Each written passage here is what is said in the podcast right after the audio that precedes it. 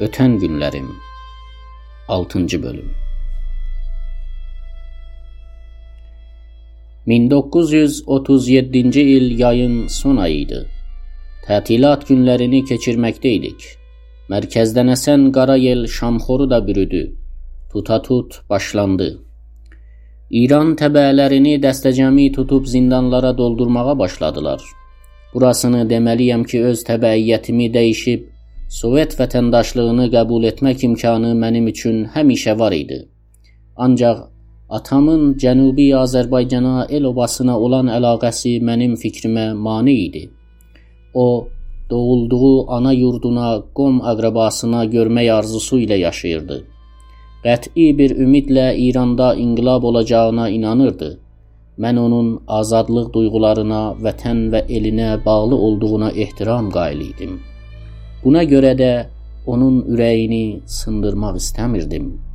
Nə isə iş işdən keçmiş, qar qapını almışdı. Axşam oldu. Şamı yeyəndən sonra evdə öz vəsiyyətimizi etdik. Baş yastığa atıb yatmaq istədik. Nə it yatdı, nə də yuxu gözümüzdən qaçmışdı. Qaranlıq bir gələcəyin fikri ilə əlləşirdim. Gecə saat 2 olardı ki, qapı döyüldü. Atamla bərabər bizi aparıb təvəqqüfgaha təhvil verdilər.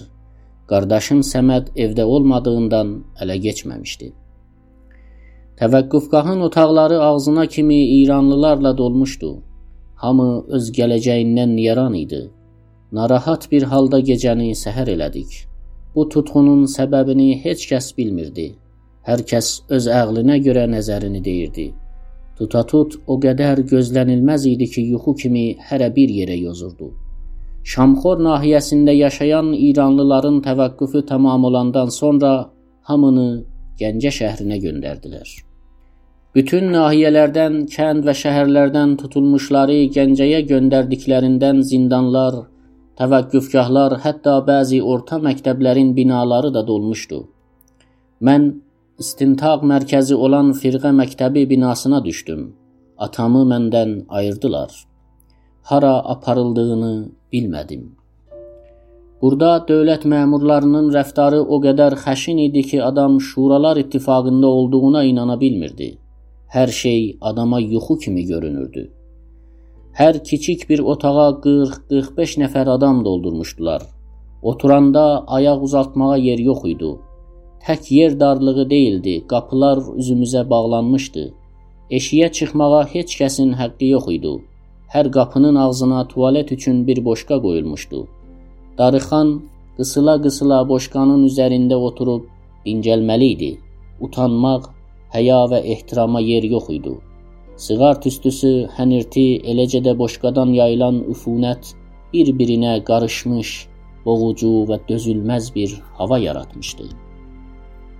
Gündən günə artmaqda olan hərarət və kəsafətdən bitbirələr meydan almaqda artmaqdaydı. Yavaş-yavaş iş o yerə çatdı ki, gündə 3 dəfə dəstəcəmi soyunub bit qırmalı olduq.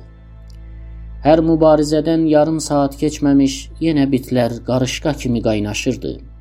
Nəzafət və hamamdan xəbər yox idi. İstintaq altında olduğumuzdan ailəmizlə görüşə də icazə verilmirdi. Belə insana layiq olmayan bir rəftardan biz daha vəhşətə düşürdük. Axı biz nə etmişdik? Biz kimik? Təqsirimiz nədir? Ailə və uşaqlarımız nə haldadır? Bu suallar hamısı cavabsız qalırdı. Bunlardan bətər atamdan ayrı düşməyim idi. Onun fikri bir anda başımdan çıxmırdı. 67 yaşında qoca, zəif bir adam belə bir boğucu dar mühitdə necə dözə bilər deyə düşünür, düşündükcə darılırdım. Hərdən bir də adlar səslənir, bəzilərini ayrı yerlərə müntəqil də edirdilər. Bir gün mənim də adım oxundu. Bir neçə nəfərlə böyük şəhər zindanına köçürüldük. Burada qapılar bağlı değildi. Hamı açıq havada gəzib dolanırdı. Mən min nəfərə yaxın dolu bir salonda atamı tapdım. Zavallı kişi xəstələnmişdi. Məni görcək qəhərləndi, gözləri doldu. Dizləri titrəyə-titrəyə yerindən qalxdı, Qucaqlaşırkən sönük dodaqlarını üzümdə hiss etdim. Mən səndən niyaran idim dedi. Yazıq atam özün nə halda olduğunu bilmirdi. Zindanın ağır mühiti, fikr, xəyal onu əldən salmış, üzmüşdü. Çətinliklə hərəkət edə bilirdi. Onun halı məni yaman sıxdı. Ancaq bu şəraitdə əlimdən nə gələrdi, nə edə bilərdim? Əlimdən bir iş gəlmədiyi üçün ruhi əzab çəkirdim.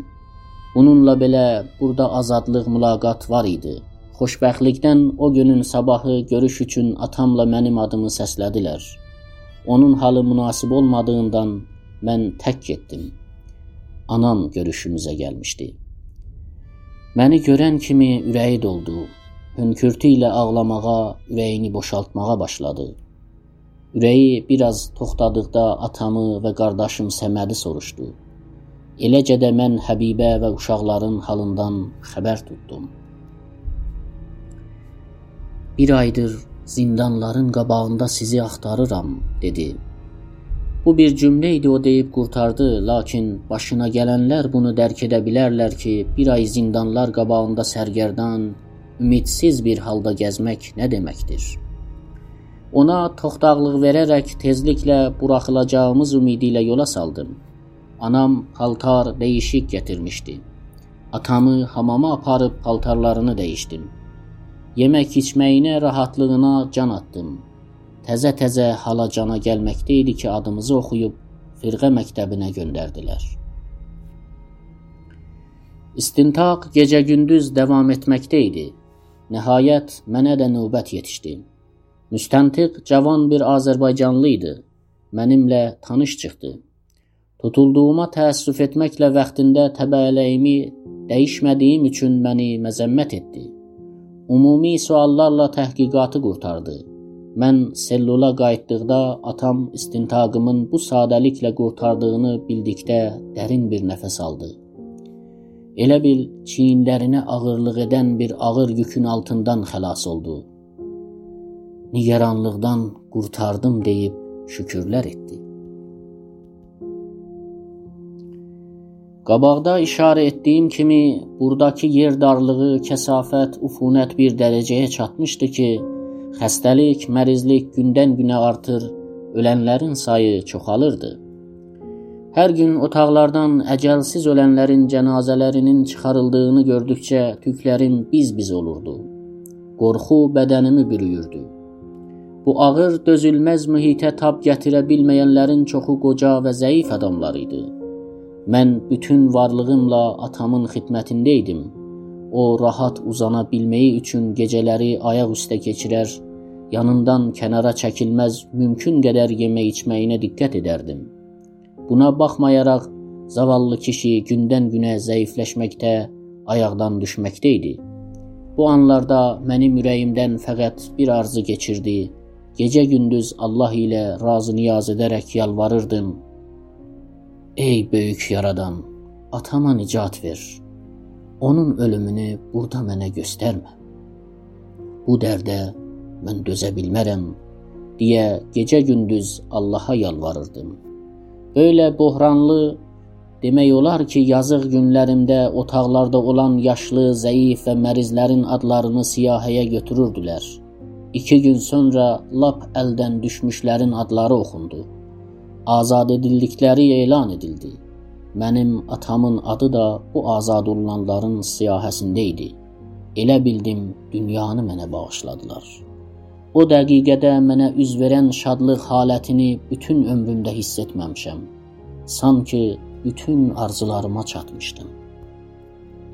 Dastancaq ağı. Atam azad olunandan bir neçə gün sonra mənim istintaqım başlandı. Müstəntiq yaxın dostlarımdan ikisinin adını çəkib onları məndən soruşdu. Yaxşı tanıyıram. Yaxın dostlarımdandırlar, dedim. O dodaqlarını qaçırdı. Əcəb, dostların var imiş, deyə kinayəli bir cavab verdi. Sonra əlində olan bir kağızı mənə nişan verib, "Bəs yazdıqları doğrudur. Sovetlər ölkəsində yaşayıb sosializm quruluşu əleyhinə təbliğat aparmaq. Mən adıma deyilən ittihamların hamısını rədd etdim.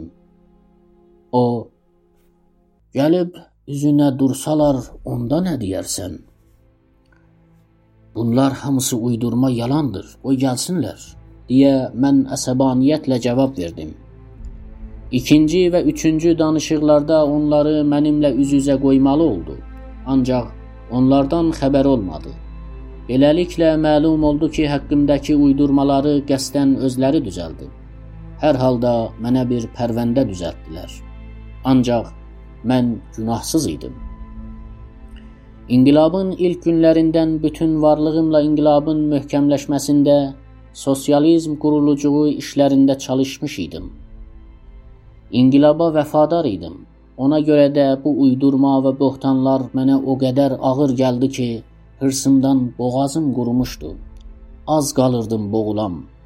Mənə elə gəlirdi ki, artıq həyatımın sonudur. Mənim üçün hər şey axıra çatıb. Sellola qayıtdıqdan sonra ömrümdə ilk dəfə anasından ayrı düşmüş körpə uşaq kimi doyunca ağladım. Ürəyim boşaldı. Elə bil ki, buna ehtiyacım var imiş. Gədəbəyli dostlarım dövrəmi almışdılar. Onların nəvaziş və təsəlli verici sözləri mənə layla kimi bəlkə də musiqi dəstəsinin mülayim halda çaldığı ölüm marşı kimi gəlirdi. Yavaş-yavaş özümə gəldim. Gözlənilmədən qarşıma çıxmış bu uğursuzluğa dözməyə, suyun axarına tamaşa etməyə başladım. Axı bu qafil bəlaya tutulmuş təkcə mən deyildim. Minlərlə zindana alınmış adamların 190-ı mənim kimi günahsızlar idi. Hər halda bunu yəqin etdim ki, xoş həyatıma, azadlığıma son qoyulubdur. Dastancağı. Çox çəkmədi ki, istintaqları qurtarmışlar haqqında hökm verildi. Onları dəstə-dəstə öz ailələri ilə İrana sürgün etməyə başladılar. Bu cərəyandan bir ay keçmişdi, adımı səslədilər. Görüşümə gələn Həbibə idi. Bacısı qızı Pakizə ilə gəlmişdi. Onun rəngi qaçmış, iri ala gözləri çuxura düşmüş üz gözündən qəm-kədər ələnirdi. Məni görəndə dolmuş gözlərini sıxdı, başını sinəmə dayadı. O mənə deməsə də mən hər şeyi anladım. O yasdan çıxmış adama oxşayırdı. Uşaqları anamı soruşdum. Yaxşıdır dedi. Atamı soruşanda biraz duruxdu. Odlu bir ahla o da yaxşıdır dedi. Mən daha bir də soruşmağa cürət etmədim öldüyünü hiss etmişdim. Arzuma çatdığım üçün ürəyim artıq tutulmadı. Çünki o öz evində ölmüşdü. Həbibə ilə biraz dərdləşdikdən sonra mən Həbibə dedim. Sözümün dalını gətirə bilmədim. Çünki qəhər boğazımı sıxırdı. Ancaq deməyi lazım bilirdim. Özümü doğruldub boğula-boğula mənim Gələcəyim məlum deyil. Məni müttəham ediblər. Mümkündür uzun müddət zindanlarda qalam. Bəlkə də İrana təbid olam. Hər iki halda sənə zülm olacaq. Nə uzun illər oturub məni gözləməyini, nə də el günündən ayrı düşüb mənimlə İrana getməyin sənin üçün asan deyil. Sən cavansan. Özün üçün yeni həyat qurub xoşbəxt yaşaya bilərsən. Mən nabud oldum. Heç olmasa sən xoşbəxt ol. Mən bu ixtiyarı sənə verirəm. Hər vaxt istəsən məndən ayrıla bilərsən. Azadsan. Dedikdə onun qəmgin qiyafəsi əzəbə çevrildi. Sanki bu sözləri məndən gözləmirmiş. Mən xoş günün yoldaşı olmaq üçün sənə gəlmədim ki. Cəhənnəmə də getsəm belə səninlə varam. Bir də unutma ki, mən anayam. Fəqət bir ölüm səni məndən ayıra bilər. deyə qətiyyətlə cavab verdi. Ondakı vəfa və səmimiyyət məni silkələdi, həyat yoldaşı anlayışının dərin mənasını xatırladım. Mən bu söhbəti onunla açmağım səbəbsiz deyildi. Bu günlərdə bir neçə xanım ərinin görüşünə gəlirkən boşandıqlarını elan etmişlər. Heç vəch ilə İrana getməyə və yaxud oturub illərlə onu gözləməyə hazır olmadıqlarını bildirmişlər. Bunları gördüyüm üçün gizli bir niyaranlıq ürəyimi yeyirdi. Doğrudan da yaxşı ilə pisi dar gündə tanımaq olarmış deyə fikrə daldım. Ayrılıq zəngi çalındı. Bu ayrılıq anlarında keçirdiyimiz həyəcan və ehsasatı qələmə gətirə bilmərəm. Dastancağı. Danışıqları qurtarmışlar böyük şəhər qələsinə köçürülürdü. Orda ailələri ilə görüş təyin edilirdi. Bu görüşlərdə səfər üçün son tapşırıqlar verilirdi. Dövlət məmurları təyin olunmuş köç günü ailələri dəmir yolu üzərində qərar tutmuş iskahlarda amadə edib qatarlarda sahibinə təhvil vermək yolu ilə İran sərhəddinə yola salırdılar. Təbid olunanların qadınları %90-ı, bəlkə də artığı yerli qızlar idi. Ayrılıq anlarında qopan nalələr, axan göz yaşlarını qoy oxucuların özləri nəzərlərində canlandırsın. Bir gün oxunan 100 nəfərlik bir siyahidə mənim də adım çıxdı. Şeylərinizi yığışdırın, hərəkətə amadə olun deyə əmr verildi. Hər kəs öz şeylərini yığışdırıb bağladı. Görəsən hara aparırlar? Hətmən İrana göndərirlər. Sibriyə göndərirlər. Bəlkə azad edirlər deyə hər ağızdan bir söz çıxırdı. Nəhayət qapı açıldı. İki böyük yük kamyonu dayanmışdı. Öz şeylərimizlə kamyona dolduq. Gəncə iskahında kamyonlardan düşürüb vaqonlara doldururkən tamaşa üçün iskaha toplanmış əhalinin mütəəssir baxışları, hərdən də ağızlardan qopan yazıqları Sibriyə göndərirlər sözləri ilə qatar yollandı. Səhər alaqaranlıq Bakı iskahında yerə töküldük. Kamyonlara doldurub Xəzər dənizi kənarında olan Babul qələsi adlanan zindana təhvil verdilər. Beləliklə ailəmizlə irtibatımız kəsildi. Hara göndərildiyimizdən nə onların xəbəri oldu, nə də bizim harda olduğumuzu xəbər verməyə imkanımız oldu.